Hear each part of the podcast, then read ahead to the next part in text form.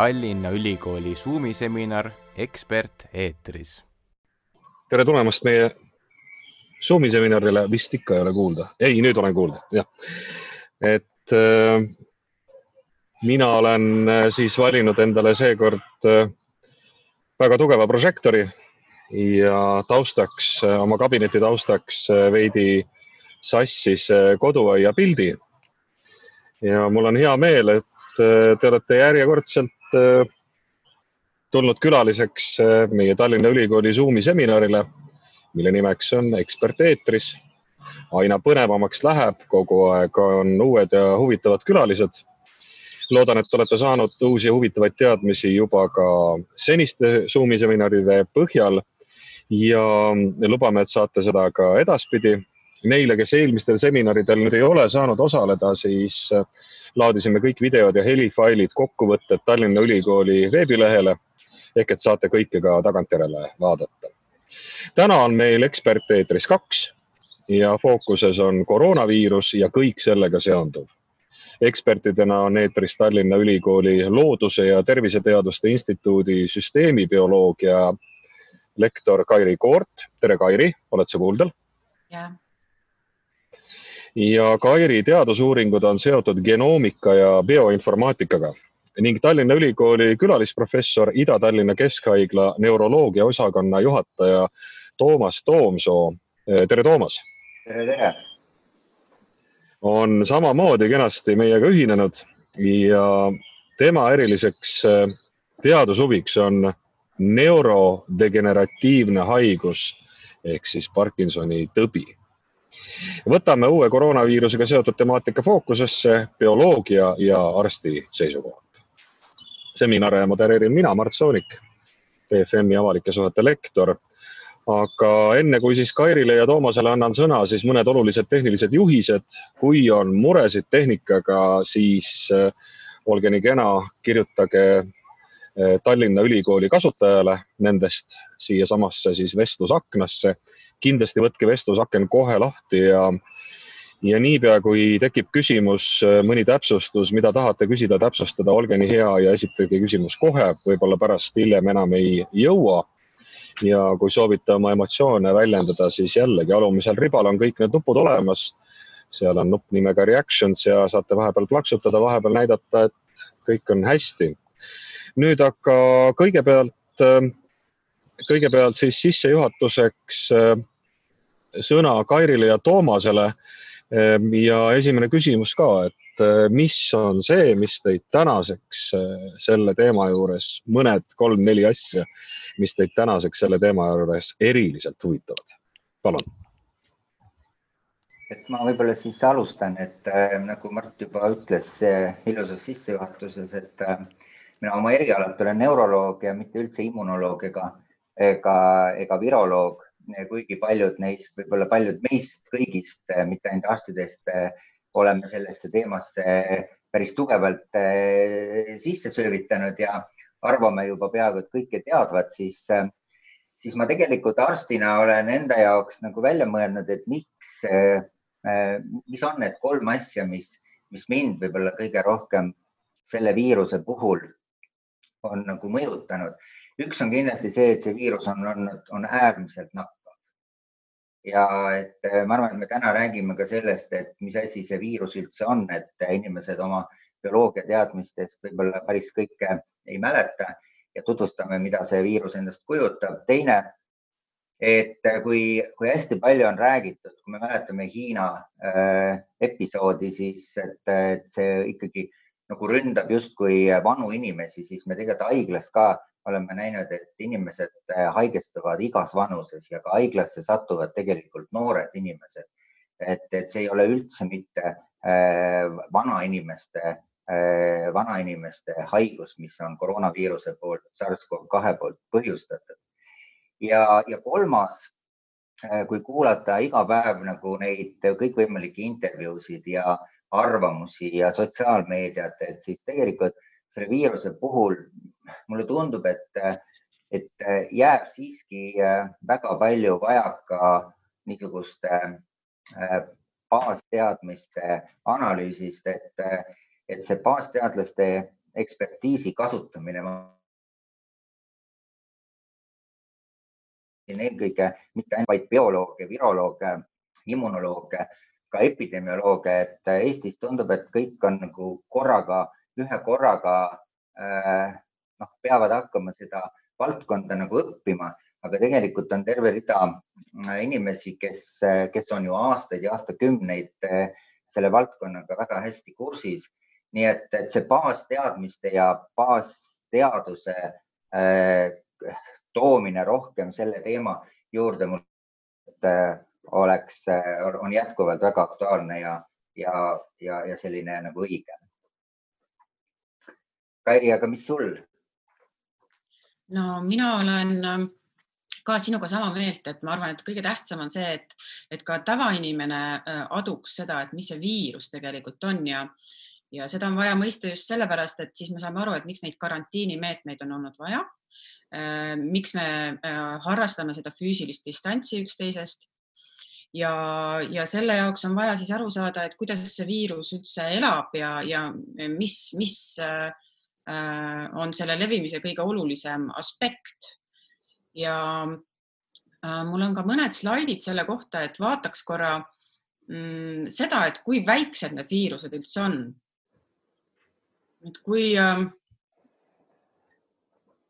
kui me mõtleme viiruste peale, siis äh,, siis äh, noh, suurem osa inimesi teab, et äh, neid ei ole silmaga näha. Ja sellel skeemil me näemegi seda, et äh, ühes otsas siin paremal pool on näha kanamuna mida on kerge käes hoida peopesa sees, siis silmaga me näeme veel ka protozoaasid, algloomi.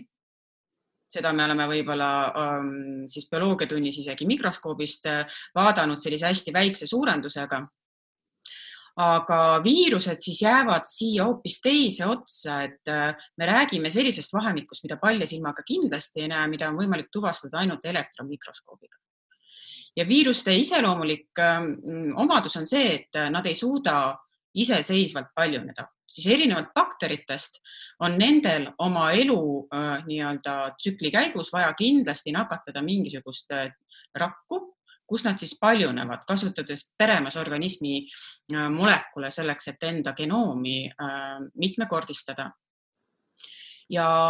viirused, äh, mis meid kimbutavad, on siis inimeste viirused, äh, mis võivad põhjustada haigusi, aga loomulikult on viirusi ka teistel organismidel ja mitte ainult loomadel, vaid ka no näiteks äh, bakteritel, bakteriofaagid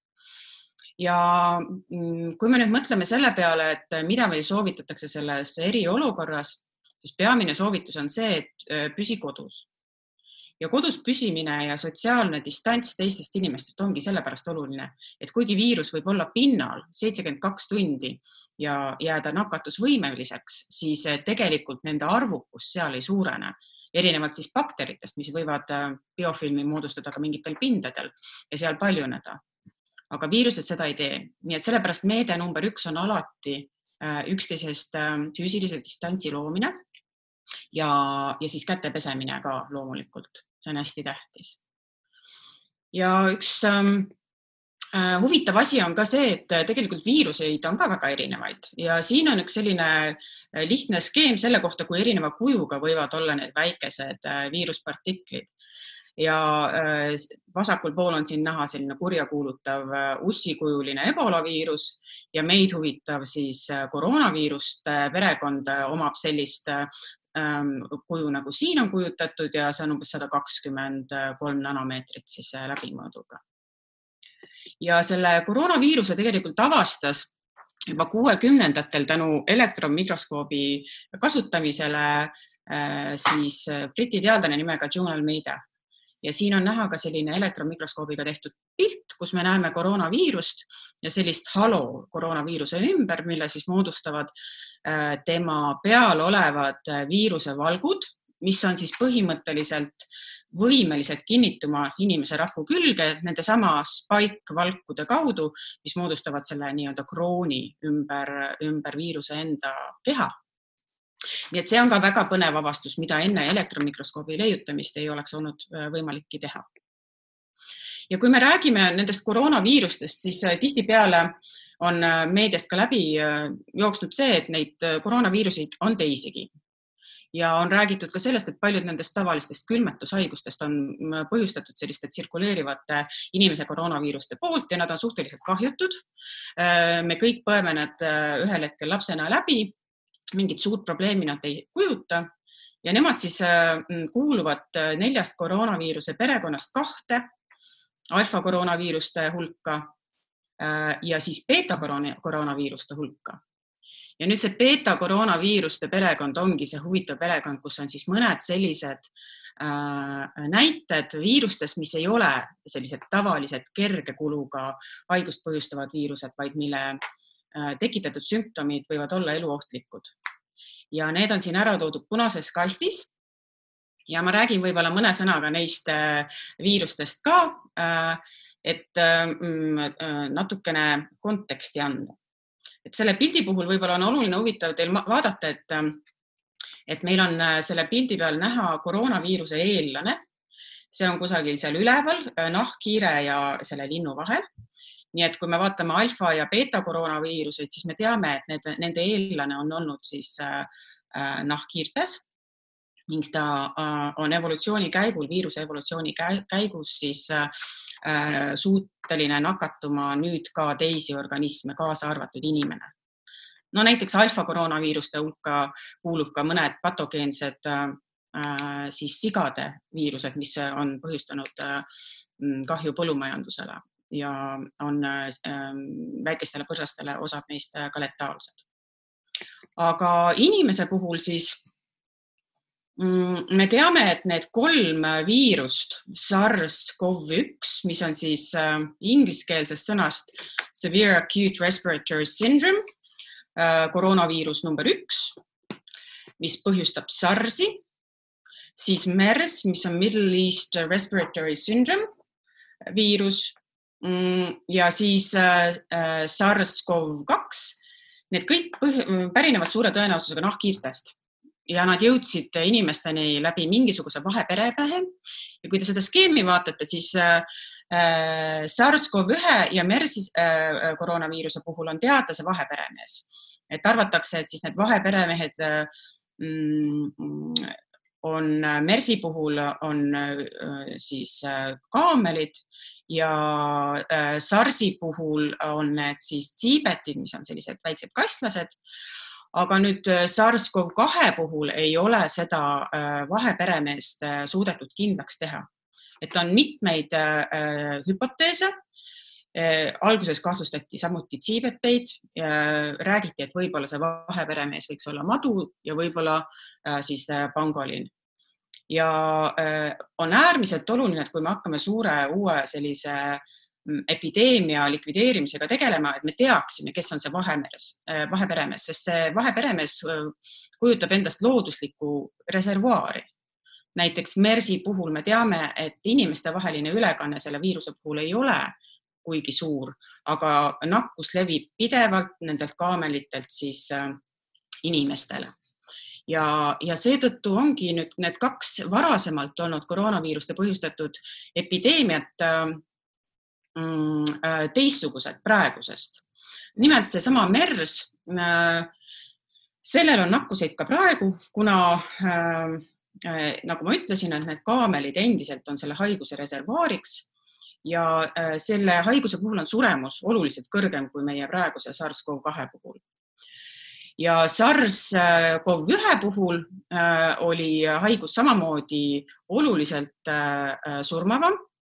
Kui te vaatate, et üle maailma oli umbes äh, kaheksa tuhat juhtumit ja ligi kaheksasada surma, et see on äh, oluliselt suurem suremus kui äh, SARS-CoV-2 puhul, siis mm, sellised väga letaalsed haigused üldiselt sumbuvad kergemini kui mm, kergelt kulgevad haigused nagu SARS-CoV-2 ja sellepärast on see mm, Äh, problemaatiline, et äh, SARS-CoV-2 äh, ei tekita kohe alguses sümptomeid, erinevalt SARS-CoV-1-st, mille sümptomid algavad üsna kohe ja enne ei saa siis viirus levida, kui on sümptomid ning seetõttu on neid inimesi kergem isoleerida ülejäänud elanikkonnast. Nii et see on nagu selline väga huvitav erinevus nende eelnevate koroonaviiruste puhul, millel on suur suremus inim, inimpopulatsioonis ja, ja siis praeguse viiruse vahel. Aga ega neid epideemiaid ja pandeemiaid mm, neid sõnu kasutatakse meedias hästi palju, aga ma mõtlesin, et ma panen teile siia kaks kiiret äh, definitsiooni, et mis see epideemia siis on, et epideemia tegelikult äh, ei saa ütelda ükskõik mis haiguse kohta, et epideemia on ikkagi nakkushaiguse puhang, mis nõuab ulatuslikku nakkustõrjet,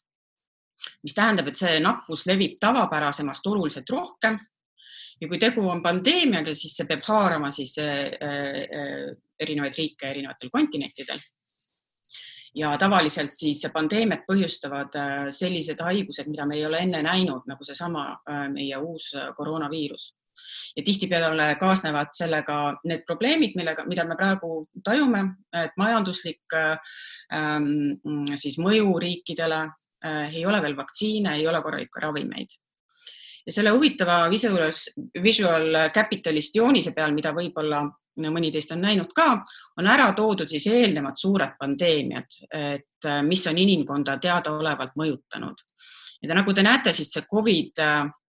üheksateist on siin äh, kõige ees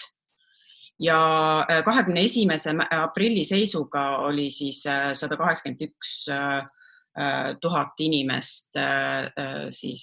mõjutatud selle poolt. nii et, et me räägime pandeemiast, mille, mille nii-öelda surmade arv ei ole võrreldav näiteks äh, mõne teise mm, äh, siis mm, viirusega mm, nagu näiteks Hispaania gripp äh, või siis mõne teise mikroobi poolt põhjustatud pandeemiaga. ja siin on ära toodud siis ka need surmade, surmade arvud veel kord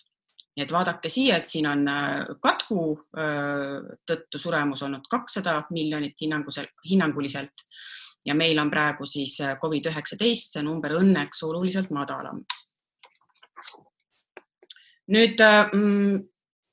et mis mind huvitab selle teema puhul on ka see, et et kui me teame, et on olemas sellised looduslikud reservuaarid viiruste jaoks, mis võivad siis Äh, hüpata ühest liigist teise, et viirused, mis äh, saavad siis nakatada rohkem kui ühte looma, neid me nimetame zoonoosideks, siis on tegelikult teada, et pandeemiate alguspunktid ei ole suvalised, et tavaliselt need on sellised alad, kus on palju inimesi. kui te vaatate seda kaarti, siis äh, need mõjutatud alad on märgitud kollasega. ja nende, nendel aladel, kus on siis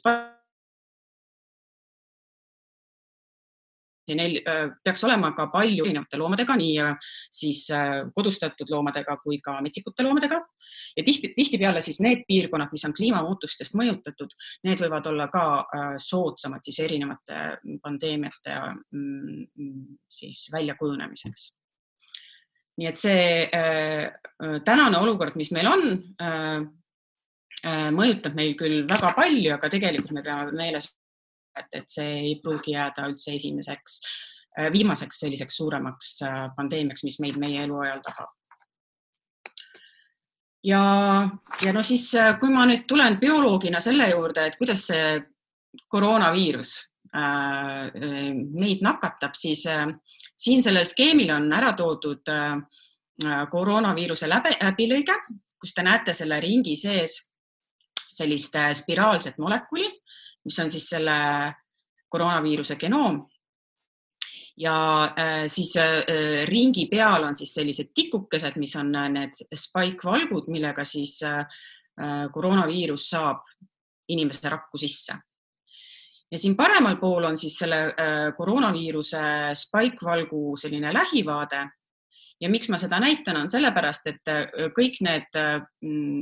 siis halliga märgitud kohad on rohkem muutlikud ja kui me mõtleme, et see spike-valk on nagu võti, äh, mis avab luku, siis äh, äh, need hallid kohad on need võtmesakid, mis on hästi olulised, et ta õigesse lukku sobiks. nii et kui see sakk nii-öelda muutub, siis meil on olukord, kus ta seda, kus see viirus seda sellist mm, tavapärast rakku enam nakatada ei saa ja ma mainisin, et see koroonaviirus on pärit nahkhiirtest. Et sellel skeemil ongi ära toodud siis selline olukord, kus nahkhiirte populatsioonis me teame, et on olemas seesama viirus, selle viiruse eellane, millel on omamoodi need spike-valgud peal ehk võtmed. Ja nad äh, suudavad siis äh, nahkhiire enda rakku nakatada, avades äh, selle luku, milleks on äh, selline retseptorvalk raku pinnal nagu AC2 ja ta mahub täpselt sellesse nii-öelda lukku ja teeb selle äh, sisenemise võimalikuks, äh, selle viiruse sisenemise rakku võimalikuks. nüüd inimesel on see ACE2 valk veidi teistsuguse kujuga, mis tähendab, et see nahkhiire spike-valk võti ei sobi sinna äh,. nii et äh, seal peab toimuma tegelikult mingisugune muutus selles, selle võtmesakkides nii-öelda selleks, et ta saaks avada uue luku. ja see ongi äh, nahkhiire populatsioonis toimunud, sellepärast et äh, evolutsiooni käigus viirustel on evolutsioon hästi kiire, eriti RNA viirustel, tekib väga palju mutatsioone ehk muutusi äh, siis selles konkreetses, selle, seda võtit kodeerivas geenis. Need toimuvad juhuslikult aja jooksul ja siis on võimalik selline spillover ehk siis liigist liiki ülekanne äh, viiruste puhul. nii et see on selline molekulaarne taust, et kuidas on võimalik, et ühest äh, organismist pärit äh, nii-öelda viirus, ühele iseloomulikku viirus võib, võib saada enda repertuaari veel neid erinevaid organisme, mida ta suudab nakatada. ja mm, nüüd ma mainisin sellist äh, võlusõna nagu RNA viirused. et äh, teatavasti meil inimestel on meie genoom DNA kujul, aga osadel viirustel ei ole genoomiks mitte äh, DNA molekul, vaid on hoopis RNA, ribonukleiinhappe molekul. ja osadel viirustel on see ribonukleiinhappe molekul veel ka üheahelaline nagu koroonaviirustel. ja nendel koroonaviirustel Äh, on äh, siis see genoom ka veel nii-öelda plussahela genoom, mis tähendab, et nii kui ta rakku satub, siis saab kohe äh, peremeesrakk hakata sellelt genoomilt tootma valku. nii et see on hästi-hästi lihtne seda alustada. nüüd siis, kui toimusid esimesed nakkumised Hiinas siis üsna kiiresti hiinlased äh, isoleerisid äh, selle SARS-CoV-2 äh, patsientidest ja järjendasid ära selle viiruse genoomi, selle RNA genoomi. ja see viiruse genoom on väga huvitav sellepärast, et koroonaviiruste genoomid on hästi suured. et arvatakse, et RNA viiruste genoomi kõige suurem nii-öelda ülemlimiit ongi umbes kolmkümmend tuhat aluspaari ja SARS-CoV-2-l ongi äh, genoom umbes kolmkümmend tuhat kalluspaari pikk. Ja ta kodeerib ka väga palju äh, valke võrreldes mõne teise RNA viirusega, lausa kakskümmend seitse valku. et kui me võid, võrdleme seda näiteks gripiviirusega, siis gripiviirus on umbes äh, kolmandik sellest. Ja miks see on oluline, see on oluline sellepärast, et RNA viirused teevad noh, umbes kümne tuhande aluspaari kohta ühe vea, kui nad oma genoomi paljundavad. Ja see viga ehk mutatsioon viib nagu selliste kvaasiliikide tekkeni, mis tähendab, et nad on natukene üksteisest geneetiliselt erinevad ning võib-olla ei mõju neile see ravim, mis nendel alguses on äh, nii-öelda nende jaoks on välja töötatud. nii et see on hästi oluline meeles pidada. ja need kvaasiliigid ongi toodud ära sellisel skeemil äh,. see on võetud sellisest äh, andmebaasist nagu äh, Äh, GSAID, mis on Saksa äh, äh, siis andmebaas, mis algselt oli tehtud gripi erinevate isolaatide andmete jagamiseks. ja nüüd on siis siia pandud üles ka kõik seni sekveneeritud patsientides isoleeritud COV2 viiruse genoomid ja see võib tunduda teile keeruline, see joonis, aga tegelikult, kui te vaatate seda, siis mõelge sellest nagu sugupuust et kui siin äh, vasakul pool lillaga on kõige esimesed genoomid, mis Hiinas sekveneeriti ja kõik see, mis on lilla, on Hiinas äh, toimunud nii-öelda viiruse evolutsioon, et siin on selle viiruse laps, siin on lapselaps, siin on lapselapse laps, siis me näeme, et nii kui viirus levis üle maailma, siis erinevates piirkondades nagu USA-s on juba veidi erinevad äh, needsamad viiruse tüübid. Ja need punased täpid siin on siis USA juhud ja see punane täpp siin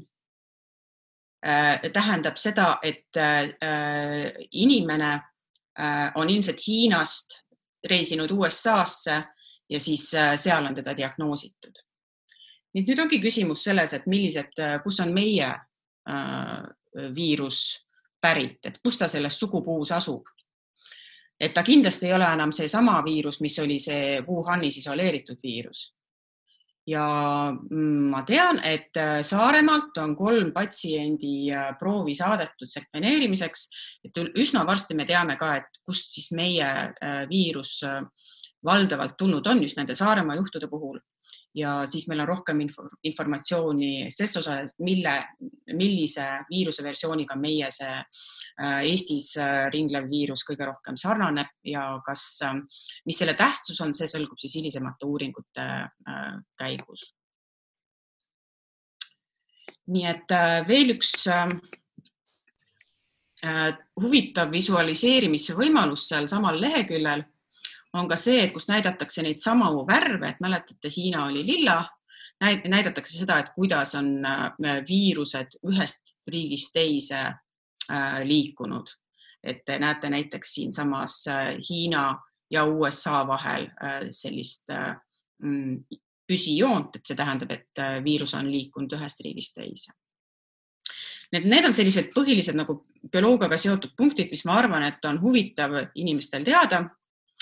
ja noh, küsimus ongi tegelikult see, et milline on meie tulevikustrateegia. et, et ühiskonnana hakkama saada selles olukorras, kus see viirus liigub globaalselt, et praegu on meie lennuliiklus oluliselt väike, väiksem kui enne. aga kuidas siit edasi minna? sellele me kindlasti otsime kõik vastuseid. nii et kas Toomas, sina tahad midagi siia äh, lisada äh,, et mis mõtteid tekitas sinus see viiruse genoomi suurus näiteks? no genoomi suurus on ja kindlasti väga huvitav ja see, kuidas ta nii-öelda nagu äh, paljuneb ja kui palju valke ta äh, siis suudab anda ja kui virulentne ta tegelikult on, aga, aga mind siiski väga noh, huvitab see ka täna Eesti puhul et me ju täpselt ei tea, et me teame, et poliitikud eh, süüdistavad, et, et, olid need võrkpallurid, kes seal Saaremaal selle asja korraldasid või ütleme, mitte poliitikud, vaid, vaid inimesed arvavad, et see on nii. teistpidi me teame, et inimesed tulid kuskilt suusareisidelt eh, ja, ja meil on siiski eh, küsitavusi, et miks teatud piirkondades need, need inimesed haigestusid või haigestuvad nagu nii tõsiselt kui, kui mõnes teises. ja see on seesama küsimus ka, et, et, et kas see on ainult see, et, et me suudame nagu hästi inimesi isoleerida, suudame lahku lüüa. et kui ootamatult meid see tabab. et kõik niisugused küsimused ja no ma väga loodan, et kui me saame teada, et kust, milline on Saaremaal möllanud viiruse genoom, et me suudame siis öelda, et kas see oli siis rohkem nii-öelda Austria viirus oli see rohkem äh, see Itaalia viirus, mis arvatakse, et Itaalias möllas ka suuresti Wuhani viirus, mis nii-öelda äh, hüppas Wuhanist Bergamo lennu peale ja, ja sõitis siis äh, Itaaliasse ja hakkas seal toimetama. aga kindlasti inimesed on, on, on sellega nagu väga kursis, et missugused need sümptomid Äh, patsientidel on, et kui Kairi, sina rääkisid äh, sellistest, sellisest terminist nagu, nagu SARS-CoV-2, mis siis tähendab koroonaviirus, äh, koroonaviirus, see nii-öelda nagu teine, teine tüüp, siis jätkuks siis SARS, SARS-CoV-1-le, siis me väga palju räägime ju sellest, et on olemas niisugune haigus nagu koroonaviiruse, koroonaviiruse poolt põhjustatud haigus, mida me nimetame siis tema tema sünniaasta järgi üheksateistkümneks ehk siis Covid üheksateist ja me teame, et need sümptomid on seinast seina. ei läinud väga palju aega mööda kui, kui sellele need sümptomid, mis, mis, mis võib-olla tavapäraselt viirustele olid, et kõrge palavik, palavik ei lähe kuidagimoodi alla, inimestel tekib köha. juba raskematel juhtudel tekivad hingamisraskused, õhupuudus, aga nüüd üks sümptom või selline sümptomite kompleks, mis väga paljusid maailmas erutas ja, ja võib-olla kõige esmaselt, enne kui hiinlased seda näitasid, näitasid tegelikult sakslased ja pea kuuekümnel protsendil Äh, äh, siis Covidi patsientidest, ilma et neil oleks üldse näiteks kõrget palavikku või neil oleks äh, köha, hingamisraskust, olid maitse ja lõhnatundlikkuse häired. See on viinud tegelikult väga palju sellist arvamust, et kuidas see nagu tuleb, kuidas see saab nagu tekkida. algselt arvati, et tegemist võiks olla puhtalt ikkagi nina enda probleemiga ehk siis nina, ninas olevate haistmisretseptorite ja siis keelel olevate nii-öelda maitsmisretseptorite äh, kahjustusega. aga tänaseks päevaks on äh, tõesti äh, palju uut informatsiooni selle kohta, et seesama viirus, seesama SARS-CoV-2 võib käituda väga eriskummalisel moel, andmata, mis, andmata mitte ühtegi muud sümptomit, aga anda näiteks ainult maitse ja lõhnatundlikkuse häiret ja ta võib Äh, mõjutada närvisüsteemi, nii et mina neuroloogina eelkõige suudan nagu võib-olla eksperdina kaasa lüüa sellele, selles osas, mis, mis puudutab närvisüsteemi ja, ja ma võib-olla väga ei, ei, ei hakkaks rääkima siin kõikvõimalike hingamisega äh, ja õhupuuduse ja, ja, ja, ja, ja palavikuga seoses olevaid sümptomeid. ja, ja, ja kindlasti siit edasi on ju see küsimus, et, et me teame, et, et me ju testime neid kõiki inimesi ja, et me testime neid inimesi eh, ja me saame nagu, eh, et me saame nagu mingisuguse eh, tulemuse. me teame ka seda, eks ju, et, et sedasama viirust on võimalik testida siis mitmel moel ja me kasutame selleks ju tegelikult täna siis niisugust niinimetatud PCR meetodit. Kairi, sa kindlasti ole hea ja kommenteeri seda meetodit, aga me teame seda, et, et seda kõige kõige, kõige enam positiivseid tulemusi me saame, kui me seda viirust eh, suudame siis nii-öelda isoleerida selle PCR meetodi abil eh, ninakaapest ja, ja siin on üks küsimus, et, et ka eilsel pressikonverentsil perearst doktor, doktor Joller ütles, et, et kõikidel nagu ei ole positiivne ja et see võiks olla et see ei ole ka päris äh, universaalne meetod, tõepoolest ei ole olemas sajaprotsendilise tundlikkusega meetodit, aga siiski ta on täna kõige parem. Võib-olla, mis on selle meetodi puudus, on see, et, et, et proovi tuleb võtta väga õigest kohast ja täpselt ja teiseks, et, et, et meetod on aeglane. Õnneks on nüüd juba ka meil haiglates kasutusel kiired ühetunnised testid ja ka senised neljatunnised testid, nad tõesti võtavad haiglas aega ja kui te kujutate ette, siis haiglate koormus, kui haigeid tuleb korraga palju, haigetel ei ole kõik Covidi haiged, haiged võivad olla ka teiste haigustega, südameinfarkt, insult, äh, pimesool, vaja minna kirurgia, vaja minna kirurgi poolt opereerima, oodata neli tundi, me ei saa me peame käsitlema haiget maksimum äh, isikukaitsevahendite tingimustes. nii et, et see on väga tõsine teema ja et võib-olla Kairi, sa korraks mainitsid, me, ma näitan siin, et tegelikult tõesti see äh, ninakaapest võetud proov tegelikult võib saada ka äh, silmast, aga sest see tundlikkus on ainult üks protsenti, noh rõgast on ilmselgelt, et on nagu korralik tundlikkus, aga, aga väga kõrge tundlikkus on ka, ka väljaheitest. aga võib-olla sa natuke, Kairi, räägid, mis see PCR endast kujutab? no mm, PCR on siis ingliskeelne akronüüm, tegelikult see mhm. tähendab polümeraasi ahelreaktsiooni. Ja, ja mida see siis sisuliselt äh, tähendab, tähendab seda, et äh, kui ma rääkisin teile, et sellel viirusel on oma genoom, mille järjestus on ka teada, siis äh, need DNA, DNA ja RNA järjestused, mis, mille, millega me oleme tuttavad, nende suhtes saab disainida põhimõtteliselt sellised pisikesed fragmendid, mida me nimetame primeriteks, mis võimaldavad mingit kindlat siis nukleiinhappe juppi paljundada. ja, ja nüüd koroonaviiruse puhul, mida tehakse, ongi, et võetakse, võetakse sisse ninakaabe,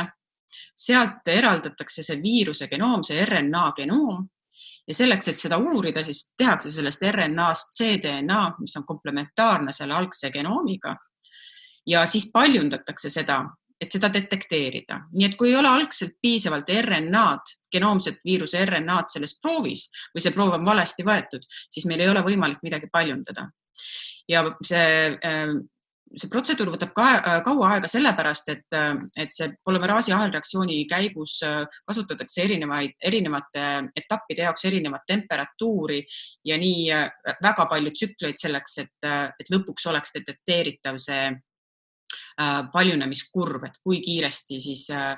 me näeme, et see arvukus, nende fragmentide arvukus seal analüüsis suureneb ja selle järgi oskame siis öelda, et kas oli seal seda äh, viirust selles proovis, mida me analüüsime või mitte. et see on selline molekulaarne meetod, mida me, me kasutame aga no lisaks sellele on ju olemas ka antikehatestid, mille üle on väga palju diskussiooni olnud, kas need on täpsed.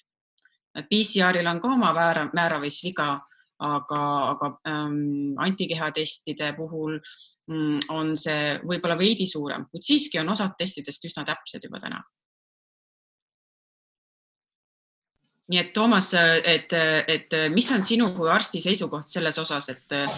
kas tuleks vaadata äh, inimestel neid äh, antikehasid, et näha, et kas nad on selle haiguse läbi põdenud ja kas neil on toimunud serokonversioon või mitte me ei kuule sind. jah, ja võib-olla on. mina kindlasti toetan antikehade äh, määramist, et küsimus on ainult selles, et kas meil on täna äh, neid äh, selliseid ideaalseid, mida me täna hetkel soovime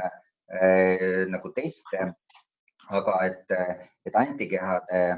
mm, noh, kasvõi juba ainuüksi sellisel filosoofilisel moel, et aru saada, et kui palju meist on tegelikult seda ka võib-olla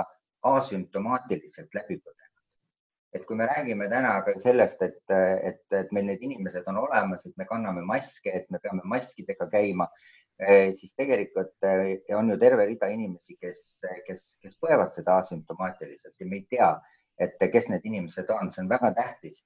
ja, ja see on tähtis ka ettevõtetele, asutustele, juhtidele, et, et kes nende kes on need inimesed, kes nende ümber töötavad, et eh, kas me saame hoida näiteks seda tehast, eh, seda ettevõtet eh, vabamalt töös lahti, kui meil on olemas piisaval hulgal teste tehtud, et ma arvan, et see on, see on, see on, see on väga tähtis küsimus ja, ja aga noh, see, me ei jõua täna siin sellel osal nagu peatuda, sellepärast et, et me peaks rääkima natukene võib-olla ka siiski mõningatest sellistest haiguse momentidest, et ma. ma ühe küsimuse siiski küsin siia vahele, sest kuna pärast see teema vaob, äh, vaob ära, et on tulnud ka mm, Markolt üks niisugune küsimus, et kas on teada, mis siis äh, takistab SARS-CoV-1-l replitseerumast nendel asümptomaatilistel patsientidel? Kairi, oskad sa vastata sellele küsimusele? et äh, tegelikult äh, see mm, COV, äh, koroonaviirus ähm, kaks, mis põhjustab siis seda Covid-19, nendel sümptomaatilistel inimestel on see viirus täiesti detekteeritav, lihtsalt nende immuunsüsteem ei reageeri selliselt, et neil tekiks haiguse sümptomeid, sest tihtipeale palavik ja kõik muu selline äh, Äh, mis es, esimese asjana ähm, tekib, on ju tingitud sellest, et organism üritab võidelda selle, mm, selle viirusega. nii et, äh, et selles on asi. ja ma võib-olla jätsin siin ühe asja nagu mainimata, mul ei olnud sellel slaidil peale ka andmeid jälle viimase äh, paari-kolme nädala andmeid, et pea kolmekümnel protsendil inimestest võib olla tegelikult kõhulahtisus nendel, nagu ma näitasin ka, et sooles on mm., on näha väga kõrge, on see tundlikkus, eks ju et, et, et need, neid, neid inimesi ka on, kes, kellel võib-olla ei ole neid sümptomeid, mida mm. arstid tavapäraselt väga reklaaminud, et hingamispuudulikkus, äh, kurguvalu, köha. Et jah, need on, et ükski nendest sümptomitest ei ole sada protsenti konkreetsele tüüpilisele inimesele. Nii et, aga ka kolmekümnel protsendil ulatuses võib olla näiteks kõhulahtisus nii et, et jällegi tuleb meil see teema, et, et meil peab olema mitmeid võimalusi, kuidas neid asümptomaatilisi inimesi äh, nagu detekteerida ja, ja kindlaks teha. aga ja. et Kairi, kas sul, sa rääkisid selle AC2 nüüd ära, on ju nii? sellega nagu ühel pool, et võib-olla ma siis lähen natukene ja, ja räägin äh,. riskifaktoritest, jah. Et võib-olla ma lähen siit edasi, et, et, et kes need on, need, need riskifaktorid, et, et me teame, et haiglas võivad olla äh, väga mitmesugused inimesed, me teame, et haiglas võivad olla vanad inimesed, et äh, me teame, et viirus on selline, mis äh, on leitud, eks ju, hooldekodudest, et vanad inimesed on kergemini rünnatavamad, et nad on, et nendel on risk seda haigust Covid-19 saada igal võimalikul moel, kuid on olemas ka teised riskifaktorid ja ja need teised riskifaktorid on, äh, on eelkõige siis kõrge vererõhk, et nendel inimestel, kellel on juba äh, varasemalt diagnoositud vererõhuhaigus või siis on ka diagnoositud näiteks äh, suhkurtõbi,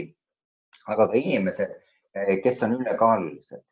ja seda tõepoolest, et võib-olla näiteks noor inimene, aga ta on ülekaaluline ja kerge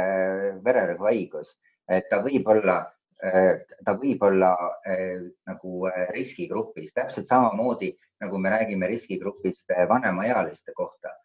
ja, ja hästi palju on ju räägitud sellest, et juba algusest peale, et jäi silma, et, et haigus kulgeb raskemini nendel inimestel, kellel on kas südamepuudulikkus, kellel on, on hüpertensioon ehk siis kõrgvererõhutõbi ja mehed. Et millegipärast, eh, et ründab see haigus rohkem mehi eh, kui naisi. Ja, ja võib-olla Kairi, sa siin ka bioloogina korraks mainid, et kuidas selle AC2 esinemine on meestel naistel võrdluses, aga, aga on teada, et näiteks seesamad naissuguhormoonid, östrogeenid toetavad selle AC2 võimsust ehk siis on seesama ensüümiretseptor, mille abil äh, siis see viirus nii-öelda ennast äh, haagib, äh, haagib külge ja, ja, ja pääseb siis meie rakkudesse. ja et on leitud, et, et ma nägin, siin olid mõned küsimused suitsetamise kohta, aga, aga siiski enamasti on, on teadus ütleb, et suitsetajatel on suitsetamine alandab selle AC2 ensüümi nii-öelda toimet, mistõttu ta on, suitsetaja on ikkagi riskifaktor, mitte ei ole nii-öelda nagu kaitsefaktor mm. -hmm. ja, ja miks, äh, miks on, äh, miks ma olen siin slaidil toonud välja veel selle diabeedi? no me teame, et meil on isusid küllalt raske ohjata ja, ja on olemas, äh, aju on täis niinimetatud glükagooni sarnaseid, sarnase peptiidi retseptoreid enamasti nendel inimestel, kes, kes tahavad palju süüa ja, ja söövadki ennast paksuks, need on riskiga patsiendid, kellel tekib diabeet, kellel tekib mm, vererõhuhaigus, et nendel inimestel on suur söögiisu ja et need, need ained, mis tegelikult ajus olemas on, et nad on nii-öelda nagu nende aktiivsus on alanenud ja, ja kui, kui sul ongi kogu see komplekt olemas, vererõhk, diabeet, kõrge, kõrge vererõhk äh, ja sa oled juhtumisi ka veel mees, siis sa, äh, siis see on väga kõrge risk haigestumaks äh, Covid-19-sse. Ma tõin siin slaidil ühe sellised, panin kaks pilti et üks pilt on nii-öelda nagu toor, noorest tervest mehest, sest me näeme neid inimesi ka haiglas et tal ei olegi ühtegi riskifaktorit ja siin on nagu, äh, võiks siis öelda nõnda, et, äh, et äh, siin võib mängu tulla selline asi nagu, et nad, tal on üli äh, reageeriv immuunsüsteem. Et ta ongi nagu ülitervislikult elanud üli,, üli-üli, kõik on nagu viimase peal, peaaegu et keha on treenitud viimse, viimse piirini. Ja, ja tegelikult ütleb, et noh, täiesti normaalne terve inimene korralike eluviisidega ja haigestus Covid-19-sse, ka see on võimalik. ja, ja, ja panin siia nii-öelda nagu kartuunipildina ühe musta, musta mehe, sest et me ei saa sellest üle ega ümber, et mida me näeme näiteks äh, Inglismaal, Prantsusmaal, äh, USA-s, siin on mul USA andmed, kus on näha, et näiteks kasvõi sealsamas New Yorgis, kus on umbes kolmekümne protsendine mustanahaliste populatsioon, et seal peaaegu, et suremus oli kaheksakümmend viis protsenti. Ja jällegi tuleb mängu bioloogia AC2, AC2 on see, kus, mis on nii-öelda mustanahalistel palju nõrgemalt äh, toimetav, kui, kui see on näiteks äh, asiaatidel ja eriti just on näidatud, et Aasia naistel on Aasia naiste haigestumine on palju madalam kui näiteks valgetel või, või mustadel, nii et, et see on väga huvitav ja Ameerikas tõepoolest, et kui vaadata näiteks läänerannikut ja siit ülevalt, kus on palju äh, valge rassi inimesi, siis äh, Eh, siis, eh, siis, siis seal on see haigestumine palju nii-öelda nagu, nagu madalam, kui, kui me võtame nüüd eh, juba siin Californias või võtame tõesti, kus on, kus on, kus on siis näiteks Michigani osariigis ja kus on, kus on musta rassi esindajaid nagu kordades, kordades rohkem. ja, ja. ma võin Toomas korra küsida, mis et kui me mõtleme selle USA kaardi peale, et siis, et kas selle konkreetse uuringu puhul oli see arvestatud ka seda kehakaalu, sellepärast et teatavasti on ju ju mm, just sealt New Orleans ja selles kandis peale selle, et seal on mustanahaline elanikkond on üsna arvukas, on seal ka äh, rasvumine suur probleem. rasvumine ja see nagu haakubki sellega, mida ma näitasin eelnevalt, et, et needsamad GLP-d tulevad siin mängu, need tulevad mängu äh, Äh, toitumise eripära. me teame, et noh, Ameerikas tervikuna on see toitumine teistmoodi, tarbitakse väga palju soola ja, ja kui, kui, kui nüüd rääkidagi seda äh, jällegi tulla tagasi selle AC2 juurde, et kõik need toimed, mida me kliinilises pildis näeme, köha, väga paljud mm, Covid-19 patsiendid ütlevad, et nendel on peavalu peavalu on eh, võib-olla niisugune toime, mis tegelikult eh, tuleneb ka niisugusest tegelasest nagu angiotensiin kaks. angiotensiin kaks on tegelikult eh, selline tegelane, mis, mis tõstab vererõhku, ta tekitab joogijanu, ta ahendab veresooni, ta soodustab peavalu tekkimist ja tema omakorda, kui seda angiotensiin kahte on väga palju, ta tekitab sellist omakorda sellist olukorda, kus kus äh, elektrolüütide, noh näiteks eriti just naatriumi, äh, naatriumi imendumine, just tagasi imendumine on, on väga häiritud ja nüüd, kui see must äh, inimene nii-öelda sööb nii ehk nii väga soolast toitu. mustanahaliste puhul öeldakse veel, et nendel on täiesti teistsugune hüpertensioon kui, kui, kui valgetel siis selle tulemusena on see, et seda angiotensiin kahte on tõesti hästi palju mm, -hmm. mille tulemusena äh, me tegelikult see angiotensiin kaks vallandab kogu järgneva kaskaadi, mida me, mida me tegelikult äh, saame nimetada nii-öelda Covid kahe äh, täielikuks välja kujunenud kliiniliseks pildiks ja, ja see köha, mis nendel inimestel tekib, ei pruugi üldse olla mitte infektsiooni tunnus, infektsiooni näitaja, vaid see on sellesama nii-öelda reniin-angiotensiin aldosteroonsüsteemi ühe osa, ühe varajase, ütleme varajase osa nii-öelda nagu süsteemi häire, mis siis hiljem, hiljem juba läheb üle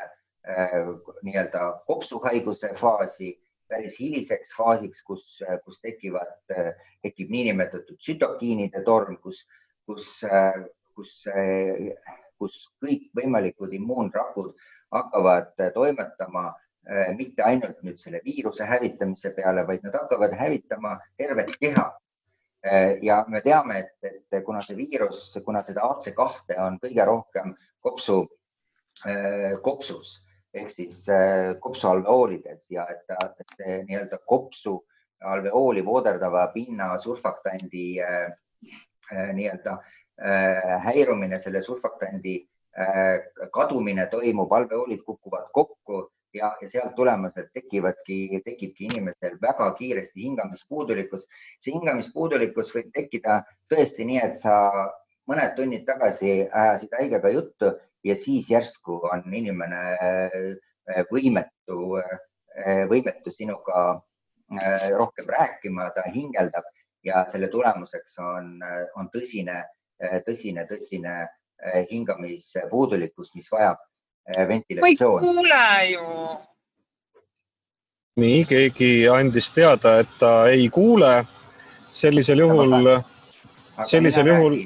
aga mul ei ole mutet just, et mina kuulen väga hästi, ma arvan, et teised ka, et, et juhul, kui te ei kuule, olge nii kena, vaadake mikrofoni kõrval on üks pisikene linnukene seal all äh, Zoomi selles menüüs.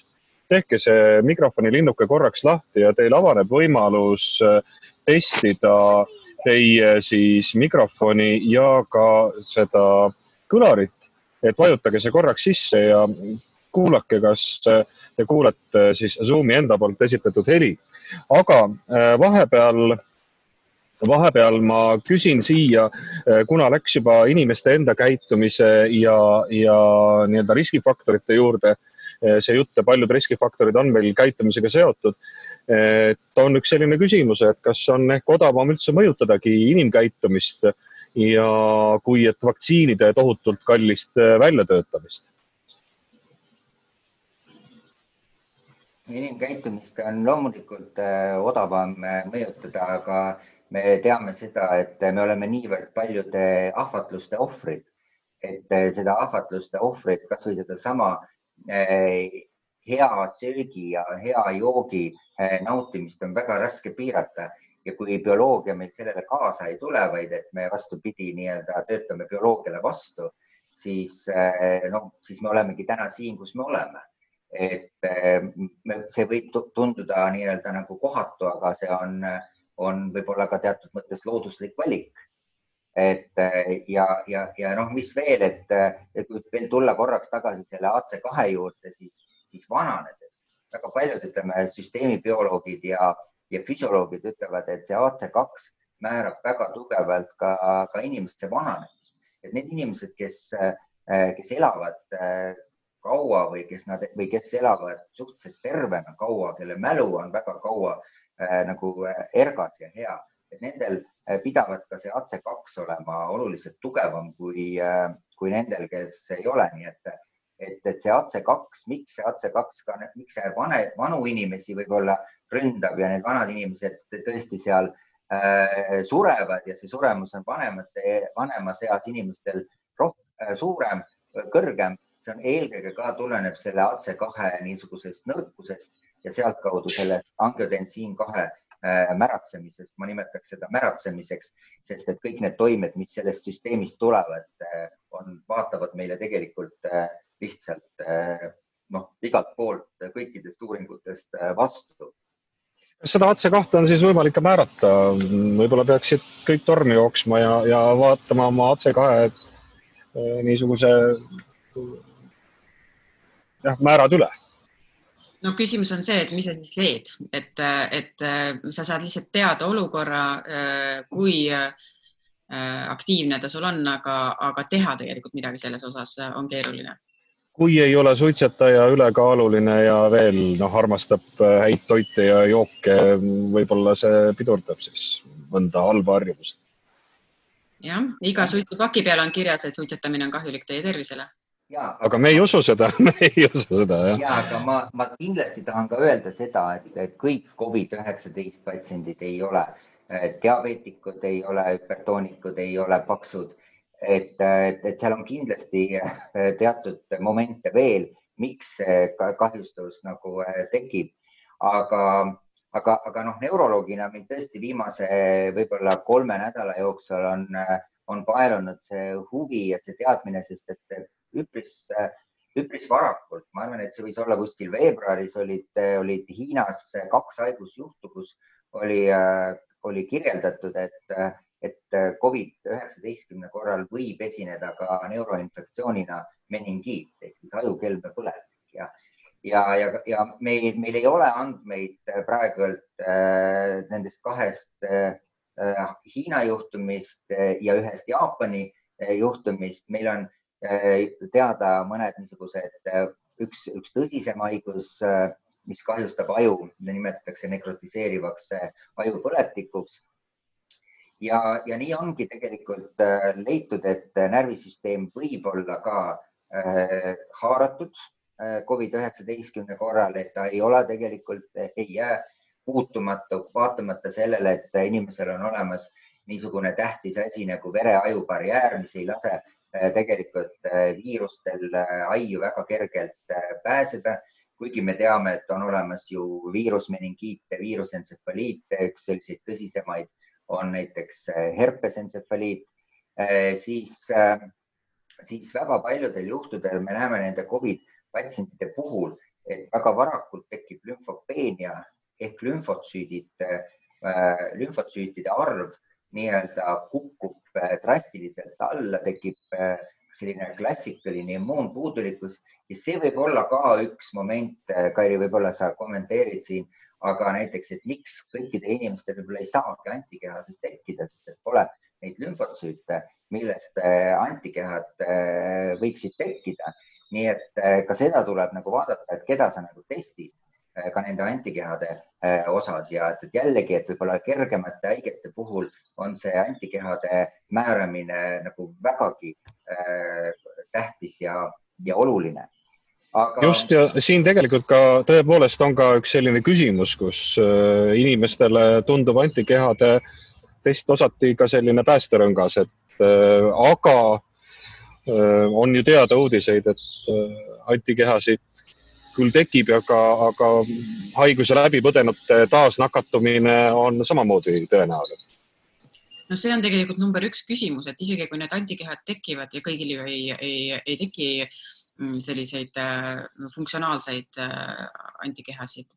siis äh, et kui kaua see tagab meile kaitse haiguse eest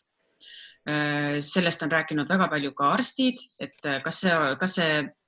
tagab selleks kaitse aastaks, kaheks Äh, mida see tähendab siis sellest seisukohast, et me tahame välja arendada vaktsiini. Äh, kas see vaktsiin, kui ta isegi välja lõpuks arendatakse, mis on väga suur väljakutse üleüldse äh, sellise viiruse puhul, nagu see koroonaviirus on. et, et kui tihti siis tuleks manustada, et teatavasti osadel haigustel ongi ju korduvad vaktsineerimised ja, ja ka nii on võimalik tagada kaitset populatsioonile aga noh, see selgub meil lähema Äh, aasta pooleteistkümne jooksul ilmselt, et kuidas selle vaktsiiniga asjad lood on ja ja ma arvan, et sellest hoolimata tuleks neid antikehasid testida ja vaadata, mis see olukord siis on, sest me praegu tegelikult ei tea. meil oleks vaja teha äh, laialdasi uuringuid selles osas. Ameerikas ja ma tean ka, et Hollandis on selline ekstravagantne ettevõtmine isegi algust saanud, kus nakatatakse terveid inimesi, et vaadata, kuidas nendel see infektsioon äh, möödub võetakse proove, need ei ole seotud vaktsiini arendusega, need projektid, need lihtsalt on sellised baasuuringu, baasuuringu projektid, kus siis ähm, võib-olla mingit kasulikku informatsiooni ka saab. Aga kindlasti tuleks äh, minu arust ka Eesti populatsioonis laialdaselt antikehade teste äh, teha ning äh, valida välja sobivamad, kõige, kõige sobivamad selleks esinduslik uuring on ju tulemas, osad inimesed on juba kutsed saanud, võib-olla isegi läbi uuritud, et äh, lähema paari kuu jooksul, kuidas te kommenteerite seda uuringut, mis on täna riik tellinud Tartu Ülikoolilt näiteks? Ma arvan, et igasugused uuringud, mis äh, avardavad meie teadmisi, on, äh, on nagu tähtsad, nii et, et ma olen väga positiivne ka selle uuringu osas ja, ja ma üldse nagu ütlen, et ähm, et väga palju, kui räägitakse sellest, et, et noh, pole kas piisavalt teaduslikku tõestust, siis see on tegelikult noh, meil väiksel Eestil, kus meil on tegelikult olemas väga suur, eh, väga suur haigete kohort, kasvõi Saaremaa näol, et üldse meil on Eestis täna umbes tuhat viissada nakatunut, keda me teame, kes meil on testitud et, et, et see annab väga palju võimalusi maailmateadusele tegelikult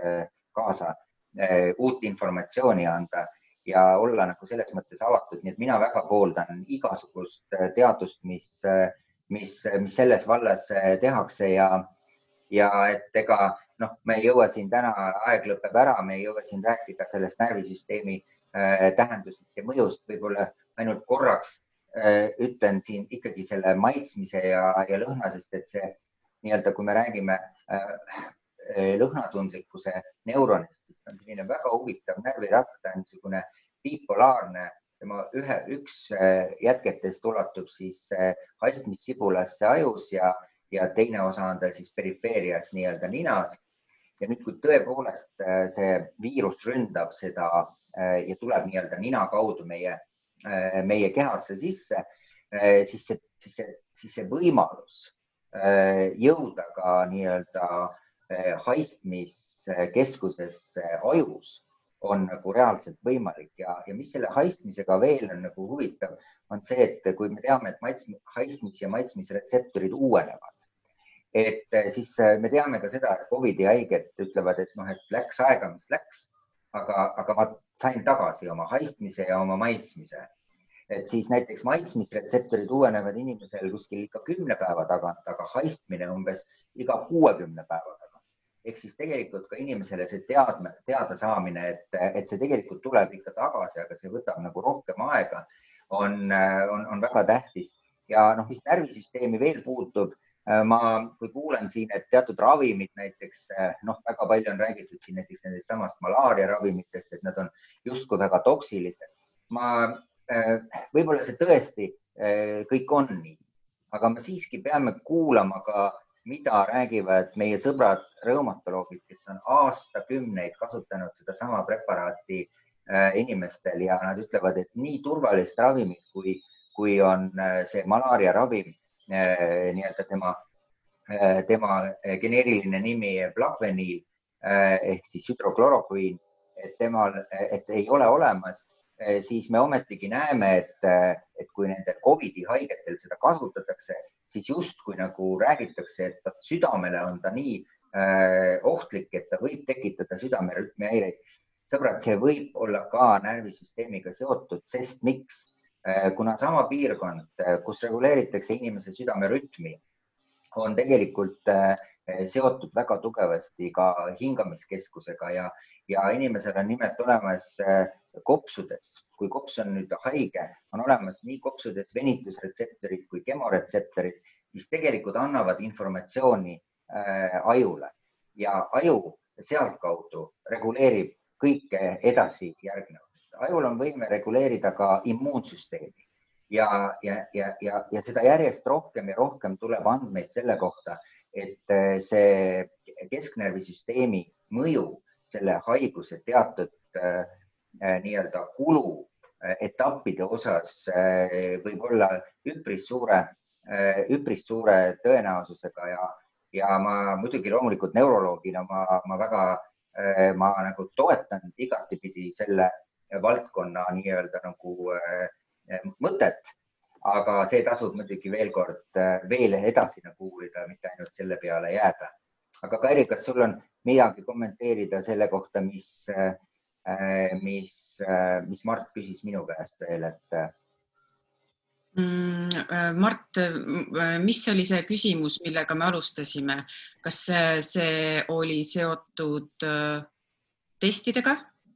Mul hakkab nüüd üles meelest. ja mul oli ka nõnda, et, et ma küsisin küsimuse ära, aga jutt läks edasi jõudis järgmistele tasanditele ja ma tunnistan, et ma ei mäleta enam, mida ma, mida ma täpselt küsisin aga, aga, aga me võib-olla saame veel mõned minutid äh, äh, niimoodi näpata inimeste aega ja küsida, et aga mis siis edasi, et äh, kui nüüd on suur esimene laine võib-olla ehk möödas, uued lained on ees, inimesed peavad ikkagi jälgima reegleid, ma saan aru, ja meditsiinile, apteekrile ja arstile kahjuks praegusel hetkel loota veel ei saa, sest et meil ei ole ravimit ega vaktsiini, me peame ise olema ettevaatlikud. No, no eks neid vaktsiinikatsetusi on erinevas staadiumis päris mitmeid. Et mm, lisaks vaktsiinidele on ju igasuguseid teisi strateegiaid veel, mida võiks võib-olla ka Toomas kommenteerida, aga ma näen ühte küsimust siin, et küsitakse näiteks äh, Liisian küsib, et kas äh, Eestis toimub mõnda ravi, kus ka, äh, kasutatakse tervenenute antikehasid. et me Toomasega seda eile ka arutasime, et meie teada mitte. aga teatavasti ikosageen siis ähm, kutsub tervenenuid äh, annetama verd, et nad üritavad siis neid antikehade geene, neid geenivariante mm, isoleerida ja siis alustada antikehade tootmist oma mm, erinevates mm, siis süsteemides, et selles mõttes mingisugused arengud seal on. lisaks noh, ravimina kõige suuremat potentsiaali, nii palju kui äh, on teada, annab praegu see Remdesivir, ähm, mida Gilead toodab, äh, kus siis kasutatakse sellist äh, nukleotiidi analoogia, mis põhimõtteliselt paneb viiruse paljunemisele ploki peale. et see võiks anda päris palju äh, mm, lootust kuigi noh, seal on ka omad kahtlused äh, seoses selle viiruse just bioloogiaga. Mm, mm, mõned punktid on seal sellised küsitavad, aga, aga viimased tulemused näitavad, et äh, inimesed on tervenenud suhteliselt kiiresti pärast selle ravimi manustamist. ning võib-olla Toomas, sina kommenteerid seda, mis see tuberkuloosivaktsiini äh, kasutamise mõte oleks, et mis uuringud selles osas on eelnevalt näidanud? kindlasti äh, noh, sellest on ka nüüd hakatud järjest rohkem ja rohkem rääkima, vaadatud erinevaid äh, riike ja, ja noh, peab, äh, peab tõdema seda, et Eesti on siin ka küllaltki heas seisus, et, et, et meil ju juba vastsündinutel tehakse siis tuberkuloosivaktsiin, mida tegelikult riiklikult ei ole üldse reguleeritud ei USA-s ega ka Itaalias näiteks. et, et see võib olla ka võti äh, selle koroonaviiruse äh, nii-öelda leviku äh, piiramisele. aga ma siiski ütlen noh, kokkuvõtvalt seda, et, et meid kõiki tegelikult erutab, et, et kas me nüüd tõesti peamegi hakkama maskidega käima. et kas nüüd on siis see aeg kätte tulnud, et kui meil oli mõned, võib-olla aasta või kaks tagasi, et, et me teame, et, et Araabiast pärit inimesed pidid võtma oma näokatted eest ja mitte linnaruumis nendega kõndima, aga nüüd siis me jõuame sinna hetke, kus me paneme ise need maskid endale ette ja, ja meil on ainult, ainult, ainult silmad. et ma arvan, et siin lähiajal Äh, tasuks siiski silmas pidada ühte väga olulist momenti, et kui sa ei suuda äh, tagada äh, seda kahemeetrilist distantsi ja kui meil ei ole laialt kasutusel aktsepteeritud antikehade teste, siis me, siis me tõenäoliselt peame ikkagi hoidma seda lähi, vähendama seda lähikontaktide Äh, lähikontaktide hulka, et, et see tegelikult on see, mis meid, äh, meid kõige rohkem hetkel kaitseb. ja, ja, ja, ja noh, ütleme veel kord, et, et panen inimestele südamele, mida ma aeg-ajalt kaubanduskeskustes näen, et pigem kui te ei oska maski kasutada, siis pigem siis ärge ka kasutage seda maski, sest et teate, kui, kui kole on vaadata seda, kui inimesel on mask ja kindad käes. Äh, ta on jõudnud kassa juurde ja mis ta siis teeb? esiteks ta nende kinnastega kohendab oma maski, teiseks ta võtab oma nende mustade kinnastega äh, oma taskust rahakoti, võtab sealt pangakaardi, maksab, paneb selle pangakaardi sinna taskusse tagasi ja siis läheb poest ära. ta arvab, et ta on teinud midagi väga suurt ja tähtsat. jah, ta võib-olla on, on vähendanud nakatumisriski äh, teistele kui ta juhuslikult ise peaks olema selline riskipatsient, aga ta endale äh, võib teha karuteene. et, äh, et käte pesemine, naturaalne käte pesemine meie kauplustes on täna väga palju, väga lühikese distantsi pealt on desinfitseerimisvahendeid, kasutage neid, see on tegelikult parim kaitse, mis üldse nagu, nagu olla saab. Ja, ja kui sa näed, et mingis kohas on kuskil palju inimesi, ära mine sinna, mine sinna natuke hiljem. ja, ja ei ole ka, ma oma pojale näiteks ütlen, et, et teeme, lepime kokku, et me poes ei räägi. et me lihtsalt ei räägi, et me oleme kokku leppinud, me teeme võimalikult kiiresti selle käigu ära poes äh,. ostame need asjad ära, maksame ära ja kaome, kõik. mingisugust loba et kas seda ostame või seda ei osta, et me, et vot need on need, mis on võib-olla lähima kahe kuu niisugused suunised, mida, mida võiks, mida võiks kasutada, aga, aga üldiselt jällegi ma tahaks ka lõpetada selle, et äh, asi ei ole nii, nii lootusetu ja asi ei ole nii hull ja, ja me väga loodame, et sügiseks on meil, on meil järsku olemas äh, ravim, et need, kes jäävad haigeks, need saavad rohtu, et meil on olemas äh, head antikehade testid, et need, kes usuvad antikehadesse, suudavad Äh,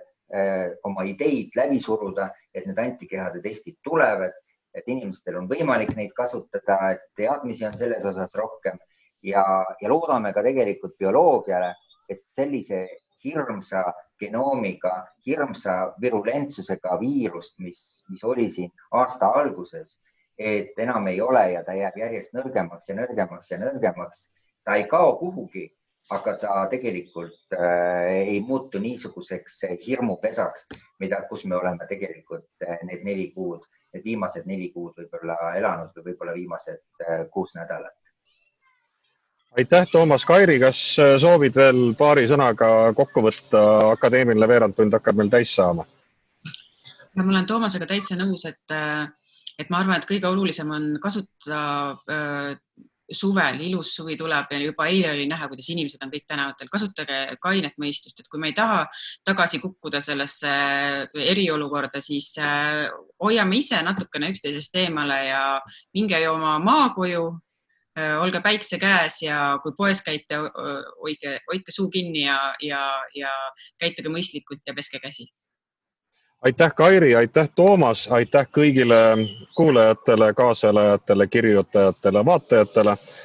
ja kui teil on ideid või ettepanekuid, keda soovite eksperdina eetris näha, siis või ka teema, millest soovite rohkem teada saada, siis saatke palun kiri küsimused tlu.ee, küsimus on Y-ga. Ja Tallinna Ülikooli järgmine Zoomi seminar toimub juba järgmise nädala teisipäeval, kahekümne kaheksandal aprillil, ikka algusega kell kolm siis on meil eksperdina eetris Tallinna Ülikooli spordibioloogia professor Kristjan Port ja Kristjan Port räägib meile, miks peaks praeguses kriisivanglas, nii on ta nimetanud, kriisivanglas viibides olema füüsiliselt võimalikult aktiivne ja juttu tuleb ka paljust-paljust muust. täpsema info ja seminari lingi leiate ikka sarja veebist tlu.ee kaldkriips ekspert eetris ja Tallinna Ülikooli näoraamatust. aitäh teile, püsige terved ja kohtumiseni juba järgmisel nädalal. kõike head.